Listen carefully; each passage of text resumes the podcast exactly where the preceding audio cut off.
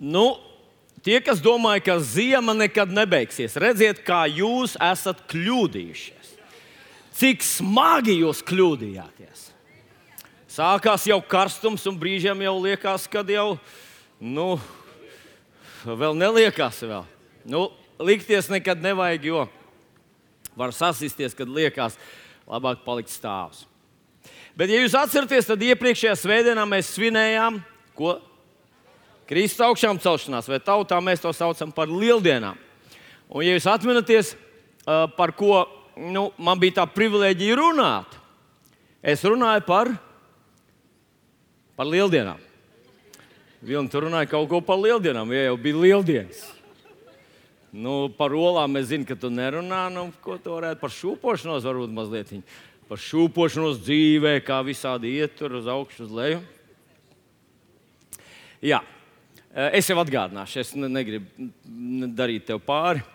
Eh, es runāju par ticību, ka starp kādu, kurš ir neierobežots nekādā eh, jomā, un kādu, kurš ir ļoti ierobežots, attiecības var būt vai nu bailes, vai mīlestība. Bailes nozīmē, ka tu neusticies, tu visu laiku pats čeko, vai, vai, vai, jo tevi var apspēlēt jebkurā gājienā, jebkurā vietā. Saproti, ka ar Dievu tu neesi. Nu, ja tu domā, tu tā uzmanīgi, lai, ap, lai viņš tev neapspēlē, viņš jau ir apspēlēts. Viņš ir neierobežots, mēs ar tevi esam ierobežoti visādi.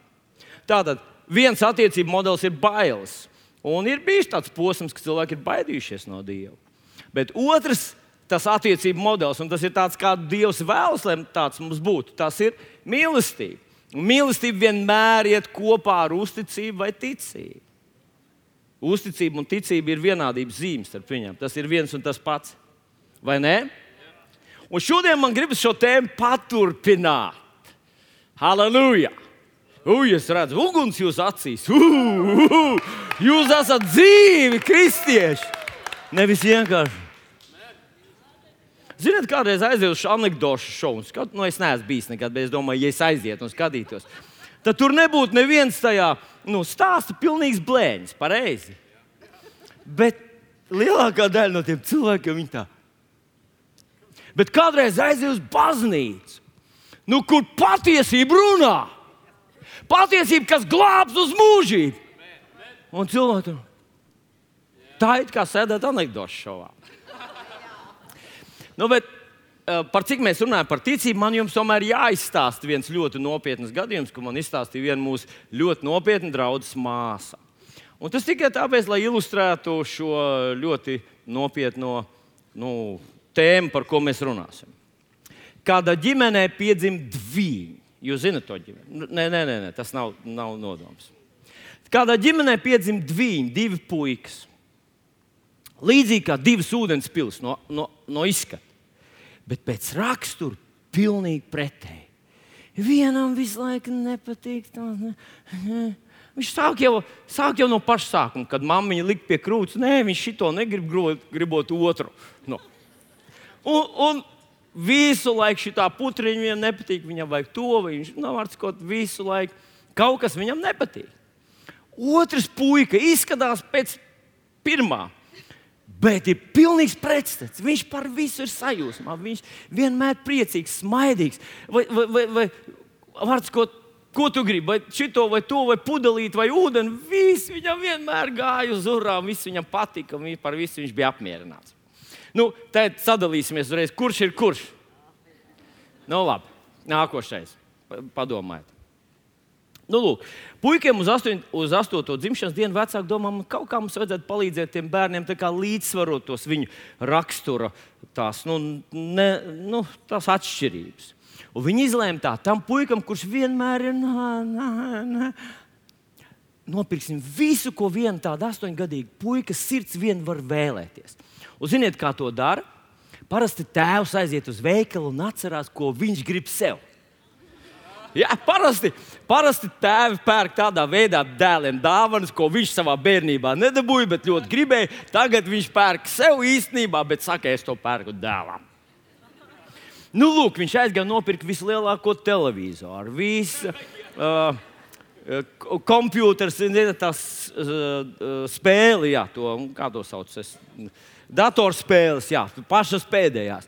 Tur lāzera pistoli un, un ar radio vadāms, tur visādi tur trasi un vilcieniņš un, tur, un, un, un nu, visu, ko tu vien vari iedomāties, viņš pielika mūzikas centru, salika pilnu istabu bērnam ar visu, ko tu vien vari iedomāties.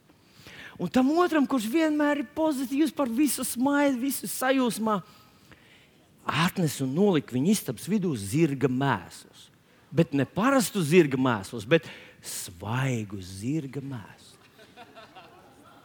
Puikas atnāk no skolas, un vecāks saka, šodien jūsu dzimšanas diena bērni, dodieties savām istabām, apskatīties jūsu dāvanas. Bērni uzskrien katrs uz savu istabu, pazūd klusums. Vecāki domā, jāiet paskatīties. Nu, un tēvs dodas pie tā, kurš vienmēr par visu ir negatīvs. Viņš domā, nu taču, nu taču, vai ne? Un viņš ieiet iekšā, puikas sēž drūms. Tēvs saka, kas ir dēļ? Viss istaba pievāst, nav vietas. Un baterijas drīz beigsies šajā lāzera pistolē. Un to vilcienu brālis visdrīzāk gribēs sev. Un tad atnāks draugs un salauzīs te visu. Man. Nu, klasiski.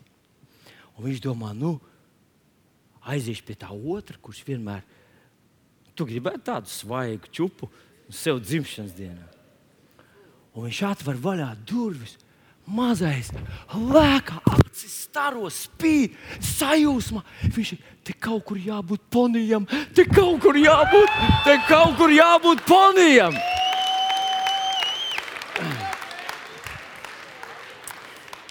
Nu, nu sakiet, lūdzu, sakiet, lūdzu, kuram no viņiem ir ticība un kuram nav?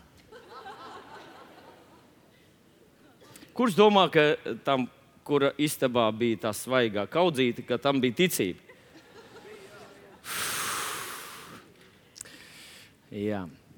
Ziniet, man jūs jābēdina, jūs uh, izgāzāties ieskaitē nevienam, ne otram ticības nebija.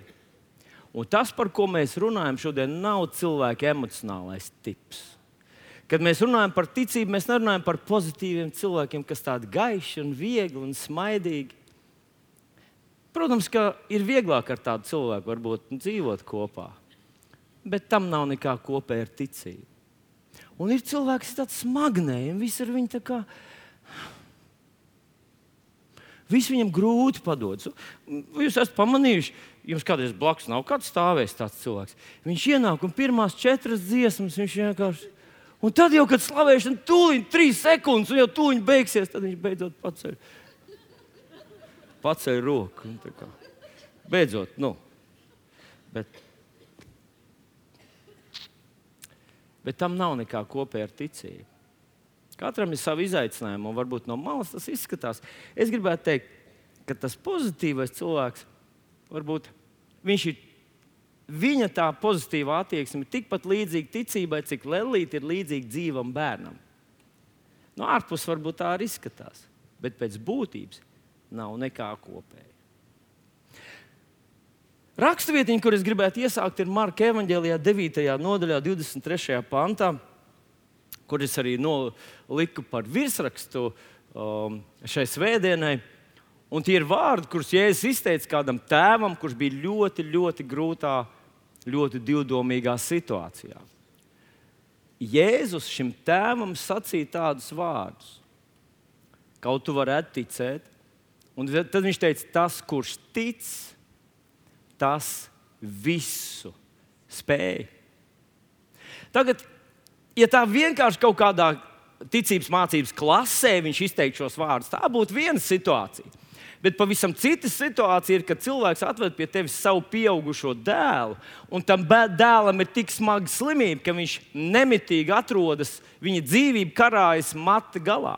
Brīžiem viņš iekrīt ūdenī, un pēdējā mirklī tikai viņš spēja izglābt. Brīžiem viņš iekrīt ugunī, brīžiem viņš iekrīt vēl kādā citā tādā nu, smagā situācijā.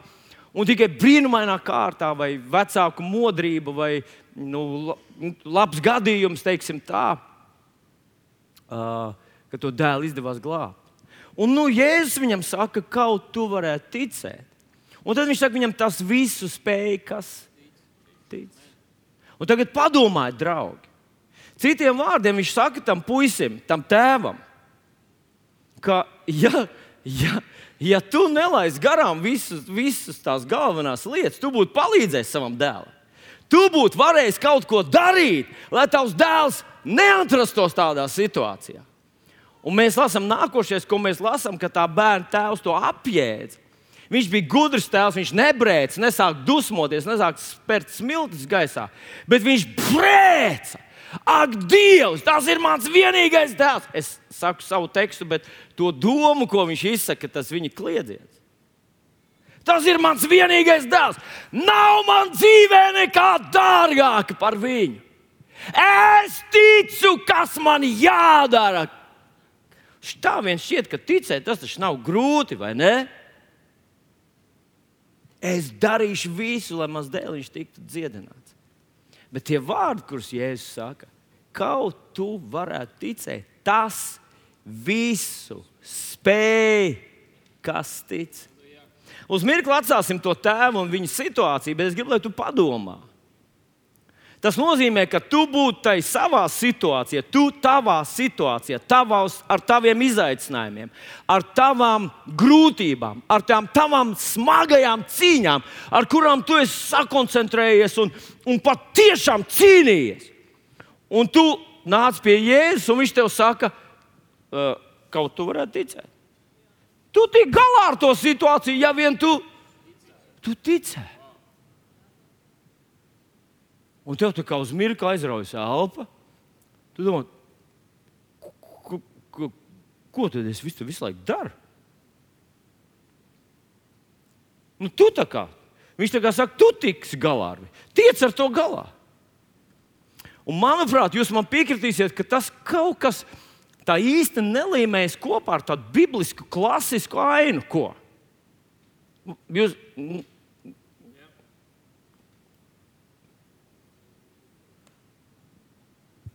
Es redzu, jūs, es, es dzirdu, kā krakšs smadzenes.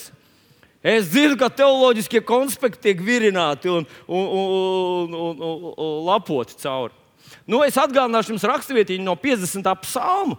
50. psalmā ir drusku savādāk uzrakstīts. 50. psalms, 15. pāns, tur uzrakstīts tā: piesauc, ka tev bēdu brīdis, tad, kad tev ir tās grūtības, tā smagā situācija, piesauc mani bēdu laikā, tad es izglābšu tevi, un tev būs mani godā. Tur nav teikts, hei, draugiņ, saņemies, un tiec galā ar savu situāciju.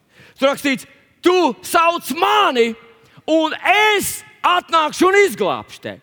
Un tad tu zinās, kurš to ir izdarījis. Tu pateiksies man. Vai ne? Pareizi? Pareizi, jā. Nu, ziniet, ko, draugi, mīļie. Es iedomājos, ka mēs varētu. Es tā savā prātā uzbūvēju tādu schēmu, un es sāku atgād, atcerēties un atgādināt sev, kur tad Bībele runā par tām situācijām, kad Dievs saka, es atnākšu. Un es nelasīšu jums visu, jo tad jūs aizmigt un, un cerams, ka, cerams, ka pamostos uz nākamā svētdienu. bet, bet es dažus atgādināšu jums raksturvietiņas, kur ir rakstīts tieši tā, ka Dievs saka, es cīnīšos par tevi un es karošu par tevi. Un, piemēram, Malahija 3.11. Es padzīšu jums palīdzēdams rīgo postītāju kukainu no jūsu labības laukiem. Lai viņš jūs neizpos, lai koks jūsu vīna dārzā nebūtu neauglīgs, saka tas kungs. Un tur turpinās tā doma. Bet viņš saka, es to izdarīšu. Un parasti mēs malakī grāmatu, par cik tā ir pēdējā grāmata vecajā derībā, mēs to citējam un, un, un sakam par savu dzīvi. Saka, Dievs atnāks un vienā dienā padzīs tos, tos postītājus no manas ābeles. Un tad, un, piemēram, paklausieties, 5. mūža grāmatā, 28. nodaļa, tā ir svētība nodaļa, kur rakstīts, tas kungs pavēlēs svētībai, ka tā būs ar tevi tavās klētīs. Un pie viss, kā tu pieliksi roku, viņš tevi svētīs. Tas kungs tevi cels par svētu tautu. Viņš, avārskot, Dievs saka, viņš to izdarīs priekš tevis. Nu, paklausieties vēl 5. mūža grāmatā, 1. nodaļa, 30. pāns. Es tikai dažas no rakstvietām, kuras daudz par to runā. Kādā vietiņā es, es gan nevaru pateikt, kur tas bija, bet kaut kur rakstīts, ka viņš ar savu to aso un līko zobenu izvilks ārā un sados tam, taviem ienaidniekiem pa kaklu. 5. mūzes 1,30. piemēram. Un tas kungs, jūsu dievs, kas iet jums pa priekšu, viņš par jums karos. Tāpat kā viņš jums to pašiem redzot, ir jums palīdzējis Eģiptē. Dievs karoja Eģiptē. Dievs karos, viņš padzīs, viņš izdarīs visu, uh, kas vajadzīgs, lai tavu situāciju atrisinātu. Un es iedomājos, ka mēs varētu uz šeit, uz uh, platformas, uzrīkot tādu nelielu schēmu, lai mēs ieraudzītu, kā tas darbojas. Jūs piekrītat man? Man vajadzēs tātad, man vajadzēs dievu, Mārtiņš varētu pie, iederēties dievu. Dievam vajadzēs troni šeit, lūdzu, uztaisīsim. Tātad Mārtiņš būs tur. Jā. Es ceru, ka visi saprot. Mēs tikai mēģinām saprast to schēmu, ieraudzīt, kā viņa, kā viņa izskatījās. Tā tad Dievs, un tad ir cilvēks. Cilvēks būs uh, Dārvids, nāc, tu lūdzu, apsēdies šeit. Šeit tu esi cilvēks. Tagad uh, ir uh, piesauc mani bēdu laikam. Ir jābūt bēdu laikam, bēdas nāk nāk bēdas uzbrukt cilvēkam, un cilvēks sauc uz Dievu. Ja? Pareizi tā bija. Jā. Tā tad tās ir bēdas. Nu, viņas acīm redzot, nāk dažādās situācijās, pēkšņi uzbruk un, un uzbruk uzreiz. Skatāmies, tātad bēdas ir klāt. Cilvēks sāk saukt uz Dievu. Jā, pagaidi, pagaidi vai, vai jūs redzat šajā situācijā, viss ir pareizi? Viss ir pareizi. Kurš domā, ka kaut kas pietrūkst tajā situācijā? Kas? Mīļie draugi, atcerieties taču uh, grēka problēmu. Vai jūs neatceraties, ka Dievs ir svēts un, un cilvēks ir grēcīgs? Un paklausieties, kas ir uh, Iesai 59. nodaļa. Mēs visi zinām to rakstvietiņu, vai ne? Uh, man roka nav par īsu, Māsas nav aizkritus, lai tā nevarētu dzirdēt, bet jūsu grēki, grēki, te pa vidu ir grēki. Te pa vidu ir jābūt grēkiem. Tā. Grēki, grēksargs. Un tas tikai aprīļa mēnesis. Mēnesis tikai sācies dāvāt. Vai, vai dienu, ko tev Lilitiņa nodarījusi? Ne, es nezinu. Vienmēr sakot, jūs saprotat, Vecās derības modelis bija tāds, ka tu nemaz nevarēji tā pie Dieva atnākt. Tev bija vispirms jānožēlo savi grēki. Un tā tad bēdas, cilvēks sauc, bet viņš nevar sasaukt Dievu. Viņam ir jādara, viņam ir jānožēlo savu grēku, jāupurē par grēkiem un jāsalīdzinās maisos un, un tā tālāk. Uh, mēs neredzam, kā viņš nožēlo. Jā. Viņš sā, sāka nožēlot. Kāpēc mēs uz ekrāna nevaram parādīt tos ciešanas? Jā. Vienmēr sakot, tā tad, tā tad viņš nožēlo savus grēkus, grēki pazūd. Grēki pazūd. Mums kaut kā tā neiet tik raiti, kā, kā bija domāts. Pagaidiet, pagaidiet, pagaidiet. Pagai, pagai, pagai. Kur tur bēdas aizskrien prom? Vēl nekas nav noticis. Bēdas strādājot, kā, kā nākās par visu algu. Jā. Tā. Tā tad grēki ir likvidēti, viņš sauc uz Dievu. Dievs, Dievam, kuram ir vara un spēks, Dievs iejaucās tajā situācijā un padzen karo. Jā. Un tā tad vārds, ko bēdas aizmūgt projām. Un viņš cilvēks atgriežas normālā dzīvē, vai ne? Vai ne? Jā. Cilvēki atkal atgriežas normālā dzīvē. Kā tas ir? Jūs taču esat lasījuši veco derību, pareizi. Tas notiek šitā kā apburts aplis. Izraels dievs izglāba viņus, viņi atkal sāk dzīvot, pēc kāda mirkļa atkal sākās atkal bēdas. Ir, ja? Bēdas, grēki, halo, halo, halo, grēki, grēki, grēki. grēki. Jā. Tā tad cilvēks uh, saprot, ka viņam jāsauc uz Dievu, viņš atkal atgriežas no grēkiem. Viņš nožēlo savus grēkus, maisos un pelnos, grēki pazūd. Dievs sadzird viņu. Pagaidi, hei, hei, hei! Tur mums tev, tev jāsagaida, ka tev iedod ar, ar zobenu. Jā. Dievs, Dievs iejaucās, bēdas aiziet projām. Nu, bēdas aiziet projām. Ļoti labi. Cilvēks atkal atgriežas savā dzīvē. Kāds cits grib pamēģināt šeit, Dāvidas viedā? Nu, mēģinām vēlreiz, kā tas vecajā derībā ir. Cilvēks mierīgi dzīvo, pēkšņi viņam uznāk tās bēdas, varbūt dejebkas. Tā var būt smaga slimība, tas var būt ienaidnieks, tas var būt nu, bats un sausums. Sākās bēdas. Bēdām ir visjautrāk šodien. bēdas.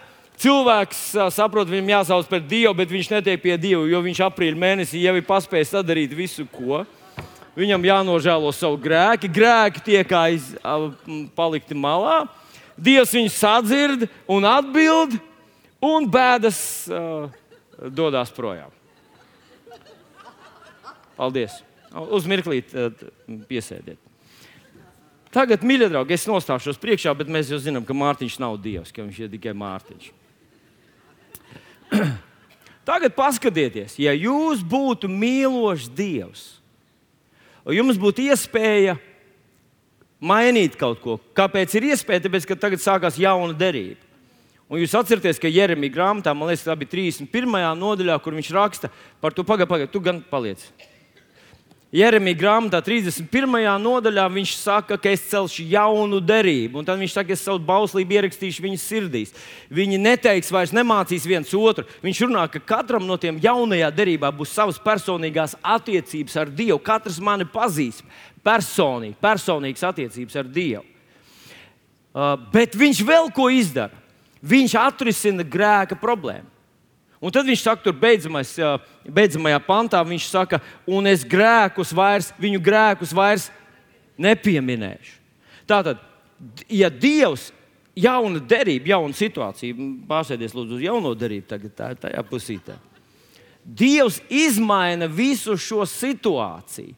Un es vienkārši mazliet atgādināšu jums, eju 53, 5. Viņš bija ievainots mūsu pārkāpumu dēļ, mūsu grēku dēļ satriekts. Mūsu sots bija uzlikts viņam.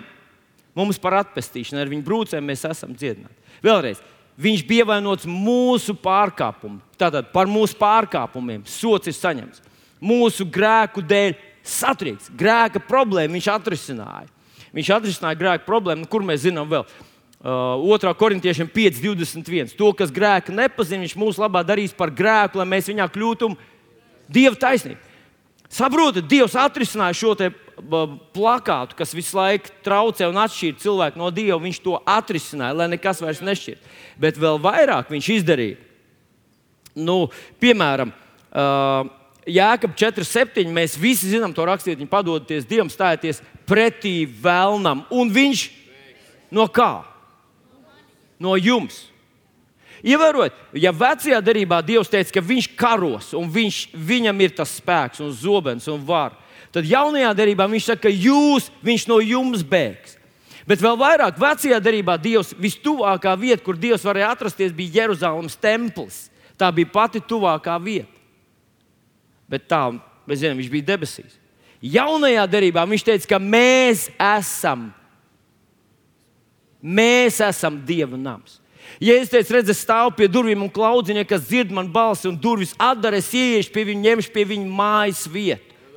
Viņš uh, vasaras svētdienā dienā viņš teica, ka svētais gars nāks, un viņš līdz šim bija pie jums, bet tagad viņš būs jūsos un būs jūsos mūžīgi. Un Romas vēstulīte 8. nodaļā teikts, ka tas, kurš turās pie tā kunga, ir viens gars ar, ar viņu. Citiem vārdiem, nu, vēl atgādināšu jums rakstvietiņu, kur mēs visi zinām no mm, evaņģēlīšiem vēstulītēs, sestās nodaļas, kur uzrakstīti visi tie, tie garīgās cīņas ieroči. Vai jūs esat ievērojuši, kā viņi ir nosaukti? Kā? Satveriet visus dieva ieročus.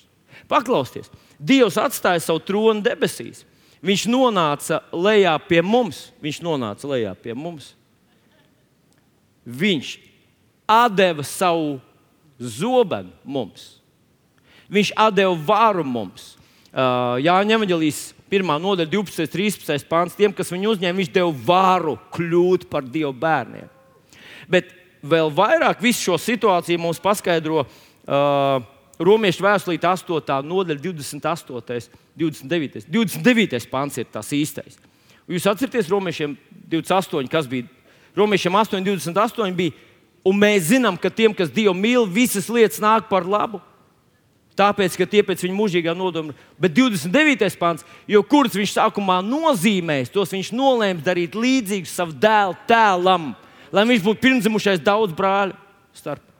Faktiski, Bībele mums cenšas pateikt, ka tāds kāds Jēzus ir 1. Jānis 4.17, kāds viņš ir, tāds mēs esam šajā pasaulē.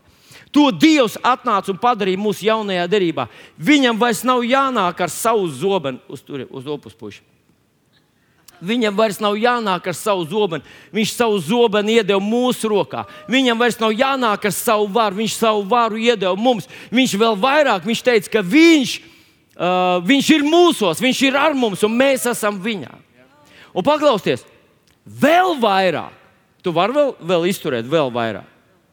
Matei 10.1. Sasauc savus 12 mācekļus, ka viņš tiem deva varu pār nešķīstiem gariem tos izdzīt. Paklausieties, jaunā derība, jaunās derības koncepcija vairs nerunā par to, ka bēdas uzbrūk tev. Jaunajā derībā viņš runā par to, ka tev jāuzbrūk bēda. Tev aktīvi jāuzbrūk bēdām. Matei 10, 8. Viņš saka, dziediniet slimus, šķīstiet spitālīgus, uzmodiniet mirušus, izdzeniet ļauns gars bez maksas, dabūjuši bez maksas. Jā, pa, pameklē viņu, ko, ko viņi te sēž pie mums. Dievs viņu nekad neatstāja, nekad arī ne. Pag, tikai uzmanīgi, uzmanīgi ar to zobenu.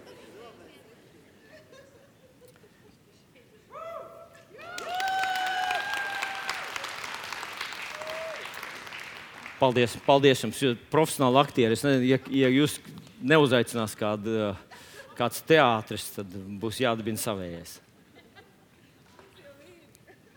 Paklausies vēlreiz. Es speciāli gribēju, lai tu ieraugtu šo schēmu. Un kad tev atkal nāk priekšā, bet tu jau esi necienīgs, tu jau, tu jau taču, nu, tu, tu, tu, ko tu esi izdarījis un ko tu esi domājis, un vispār kā tu esi visu šo nedēļu nodzīvojis. Tas vairs neietekmē tavas attiecības ar Dievu. Vilni, vai tu centies pateikt, ka, ka, ka mēs te varam dzīvot tā? No tā modernie kristieši, ka grēks vairs nav grēks. Grēka vairs nav, ja to iznīcināt. Grēks vēl aizvien ir grēks. Tikai viena lieta, ka Dievs tiešām sodu par taviem grēkiem, visiem teviem, arī tu, tos, kurus tu vēl izdarīsi. Viņš jau ir uzlicis Jēzum Kristum. Vai Dievs tā varēja? Viņš tā varēja. Labāk tic, ka viņš tā varēja, jo tad, kad Jēzus par tevi nomira, tu vēl nebiji pat piedzimis. Bet ar grēku nav joki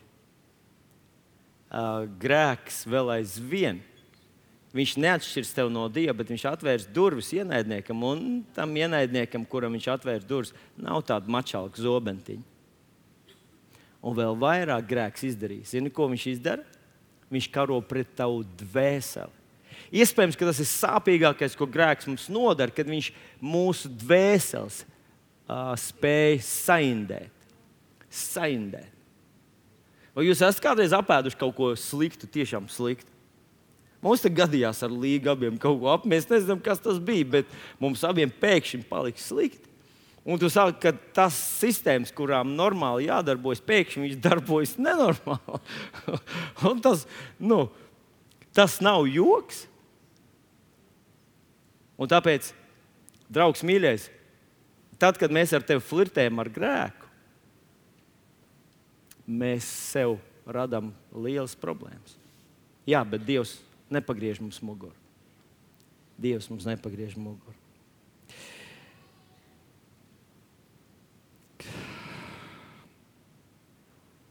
Vilni, tu saki, ka mums ir vara un spēks, ka tagad mēs pavēlam dēmoniem un slimībām, un, un pats Dievs mūsos. Agrāk likās skaidrs, ja problēma vēl aizvien ir, tad vai nu man ir grēki, vai Dievs vēl nav atbildējis.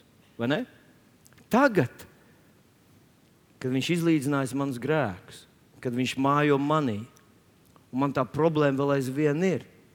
Un es lasu par sevi tādus tekstus, ka es esmu Dieva taisnība, ka Viņš ir manī, es esmu svaidīts ar Viņa gāru, es esmu izredzēts, sūtīts, es esmu mm, apģērbts ar visu viņa augšām celšanās spēka dziļumu, platumu, ka Dievs man mīl un tā tālāk. Un manā dzīvē ir problēmas, un es saku kaut ko un cenšos darīt, un tas nedarbojas. Nu, kas pa vainu? Kas ir, kas ir tas noslēpums? Kā to, ko mēs lasām šeit uz papīra, kā es savā dzīvē to varētu ieraudzīt.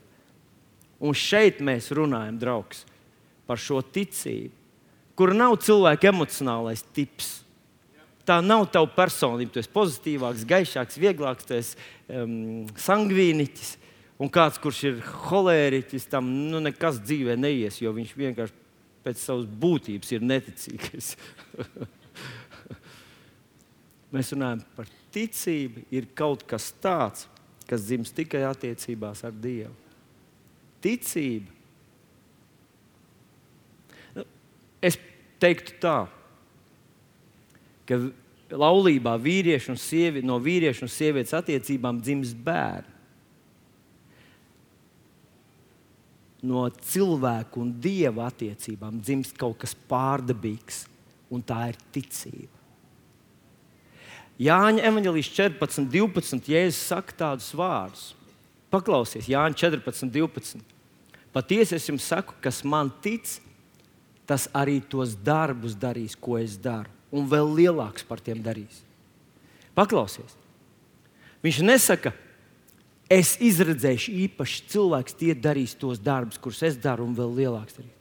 Vienīgais kriterijs, pēc kuriem viņš saka, ka cilvēks darīs šos darbus, un viņš tiešām būs tāds, kā mēs lasām romiešiem 8, 28, 29, tāds kāds viņš ir, tādi viņi ir.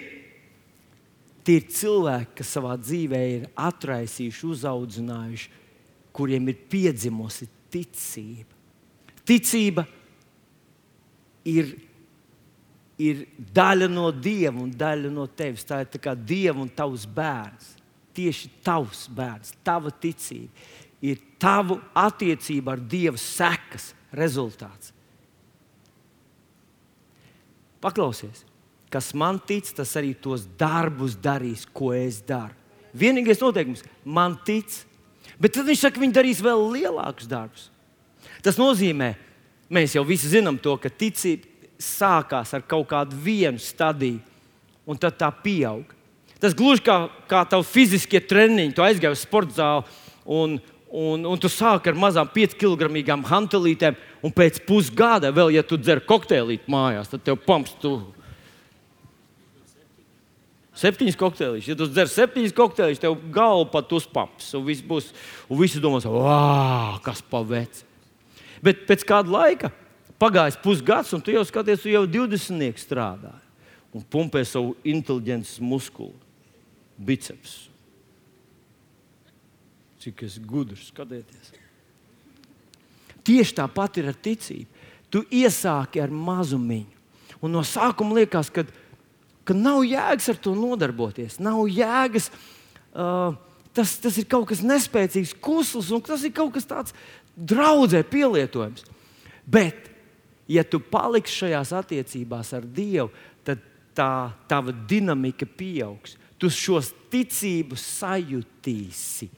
Tu to sajutīsi. Romiešiem 10, 17 rakstīts, jo ticība nāk no sludināšanas, sludināšana no Kristus pavēles.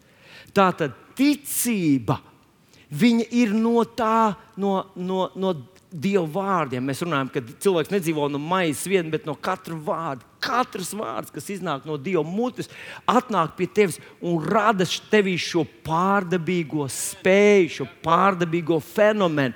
Kas nav saistīts ar, ar liturģiju, nav saistīts ar baznīcu, nav saistīts ar krustu mešanu un, un, un to, cik tu māki svēti smaidīt tas ir saistīts ar tavām attiecībām ar Dievu. Viņas ir slepenas, nevienam mm, nenovērtējamas. Bet, ja viņas ir, paklausies, ja viņas ir, tad būs bērni. Un tas bērns ir ticība, un tā ticība. Hū, ticība, ak, Dievs, kā man patīk ticība. Paklausies, kā tā ir nosaukta Marka evanģēlijā, 4. nodaļā, šīs attiecības ar Dievu, kā ir nosaukts, vai uh, ne, šis princips. Ja es to nosaucu par die, debesu valstības vai dievu valstības noslēpumu, noslēpumu. Jūs zināt, kādreiz veiksmīgiem cilvēkiem, cilvēkiem prasa, kas ir jūsu sasnieguma noslēpums? Un kāds saka, es tam smagi strādāju, es tam visas dienas svētdienas, es tam visu sievu izmetu ārā, bērns neaudzinu, es viņiem nevienam milsim, varbūt tas ir pelnu naudu. Smagi strādā. Nu, Malacis, visi, oh, oh, oh, kādu biznesu jūs uzbūvējāt. Varbūt tas bija tā vērts. Kāds saka, es koncentrēju, kāds saka, man ir īpaša metode, man ir kaut kāds noslēpums, kā to sasniegt. Un šeit Jēzus Marka evanģēlijā 4. nodaļā ir šis noslēpums, debesu valstības vai Dieva valstības noslēpums, ir pasniegts mums ar tevi.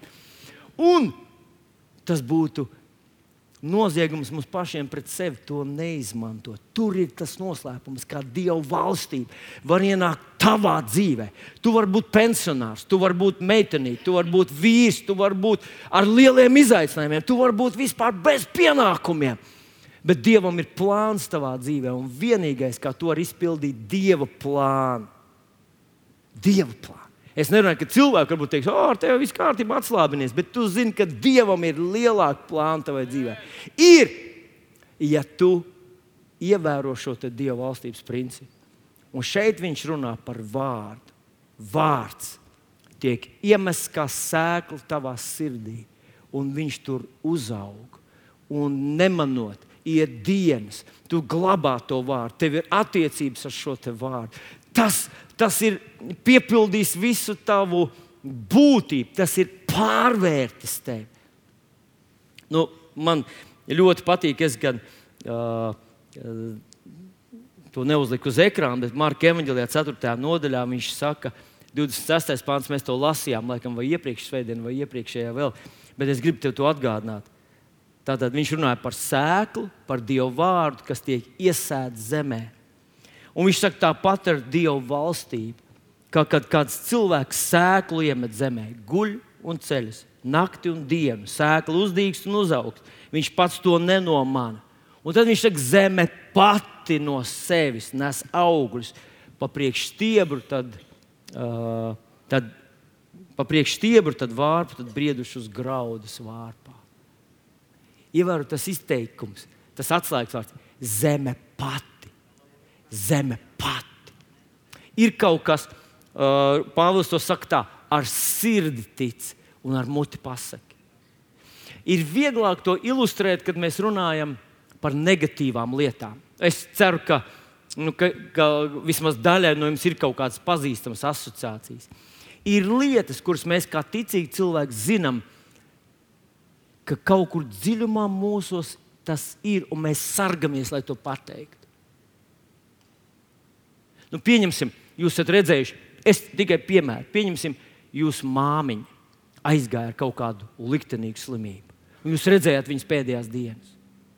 Un kaut kur, gluži nemanot, jūs dzirdējāt kaut kur uh, televīzijā, kur kāds doktors saka, ja jūsu paudzēs jums ir bijusi iepriekšējās, jūsu no tajos ciltsrakstos ir bijušas slimības, jums jāiet pārbaudīties. Un tās divas lietas klikšķi pēkšņi savienojās.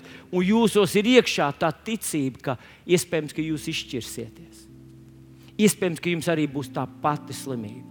Iespējams, ka jums arī nomirsiet tāpat. Iespējams, ka tāpat kaut kas notiks, kaut kas tāds Un jūs sargat savu muti, un jums kādreiz pasprūk. Jūs, jūs, jums pilnīgi tāds sajūta, ka aizlidoja tas. Un jūs, ah, kāpēc es to teicu? Kāpēc es to teicu? Jūs it kā prāts negribējāt tam piekrist, bet iekšā kaut kur bija tā ticība, ka ar mani tā notiks. Bet tas ir tas, par ko Bībele saka, ka zeme pati, tajā zemē ir iekšā tas kaut kas, kas piedod spēku taviem vārdiem. Un tu pateici, un saprati, ka ko tu esi sadarījis. Tu pilnīgi jūti, ka aizgāja kaut kāds konteiners, aizgāja kaut kādas reālas lietas, tu devi kādam reāli varu ar tevi to izdarīt.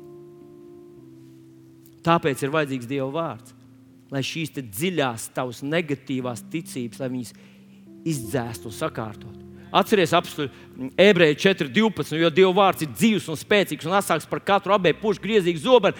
Tas spiežas dziļi iekšā, līdz kamēr pāršķiet dvēseli un gāru locekļus un smadzenes, un ir doma un sirds prāta tiesnesis. Tiesnesis nenozīmē, ka viņš sa, uh, iesist tev grib. Tiesnesis sakārto, lauz to kārtību. Viņš Un tāpēc, ja tu nesā sevī šo sirds ticību par to, ka tu beigsi slikti, ka tev būs šāds vai tāds slimība, ka, tu, ka tavs uzņēmums bankrotēs, ka tevi apčakarēs, tevi kaut kur piedodiet. Piemānīs, tevs vīrs tev pametīs, bērni aizies no, novērsīsies no tevis, kad tu būsi vecs vai kaut kas tamlīdzīgs. Zini, kas to var izlabot tevī? Ne, ar klusēšanu tas vēlams atradīs mirkli, kad tu izteiksi to. Un tajā mirklī tie vārdi būs tavi ticības vārdi. Ja? Kad kādreiz cilvēks plāpā un saka, es beigts varu palikt, kā jūs man te smīļināt, tam nav tāda spēka, jo viņš, tas nav sirds ticība. Tas ir, ja mēs runājam par negatīvām lietām. Bet tieši tāpat, tieši tāpat, kā viņš saka, tas vārds, viņš tevī dara neredzamu darbu. Tu to liec atkal, tu par to domā. Un es pats no savas uh, dzīves jūtu, kā tas ietekmē man dvēseli, ka es ņemu šos vārdus un zīmēju aplikācijas. Es redzu sevi, to kā vārds saka. Tu esi par svētību. Vilni, tu esi par svētību. Man ar to vienmēr bija problēmas. Man vienmēr, es kādreiz klausījos Kentu Hēgenu, tad viņš teica, ka viņš bija ilgi bijis izbrīnīts, ka viņš aizbrauca kaut kur, viņš ir zāle pilna. Es domāju, vai tiešām viņi atnākuši mani klausīties. Nu, man bija kaut kas varbūt vēl stiprāk, tas, ka tev nekā tāda nav. Un tad Dievs vienā dienā man pateica, tu esi par svētību vilni. Un es sāku par to domāt. Es esmu par svētību. Ne tāpēc, ka man ir gudra galva, ne tāpēc, ka esmu skaists vai kaut kas tamlīdzīgs. Man cil, manā cilvēcīgumā nav nekā īpaša, to es zinu. Bet tāpēc, ka viņš tā pateica, es paņēmu to. Un, zinot, tā mana aina, tas, kā es redzu, zemapziņā, protams, Es sevi esmu ieraudzījis savādāk. Es esmu par svētību. Ar to es gribu teikt, ka Dieva vārds ne tikai šeit darbojas, viņš ienāk dziļi iekšā tevī un viņš izmaina tevi. Saka, ticība izmaina mani. Tas ir tas vērtīgais.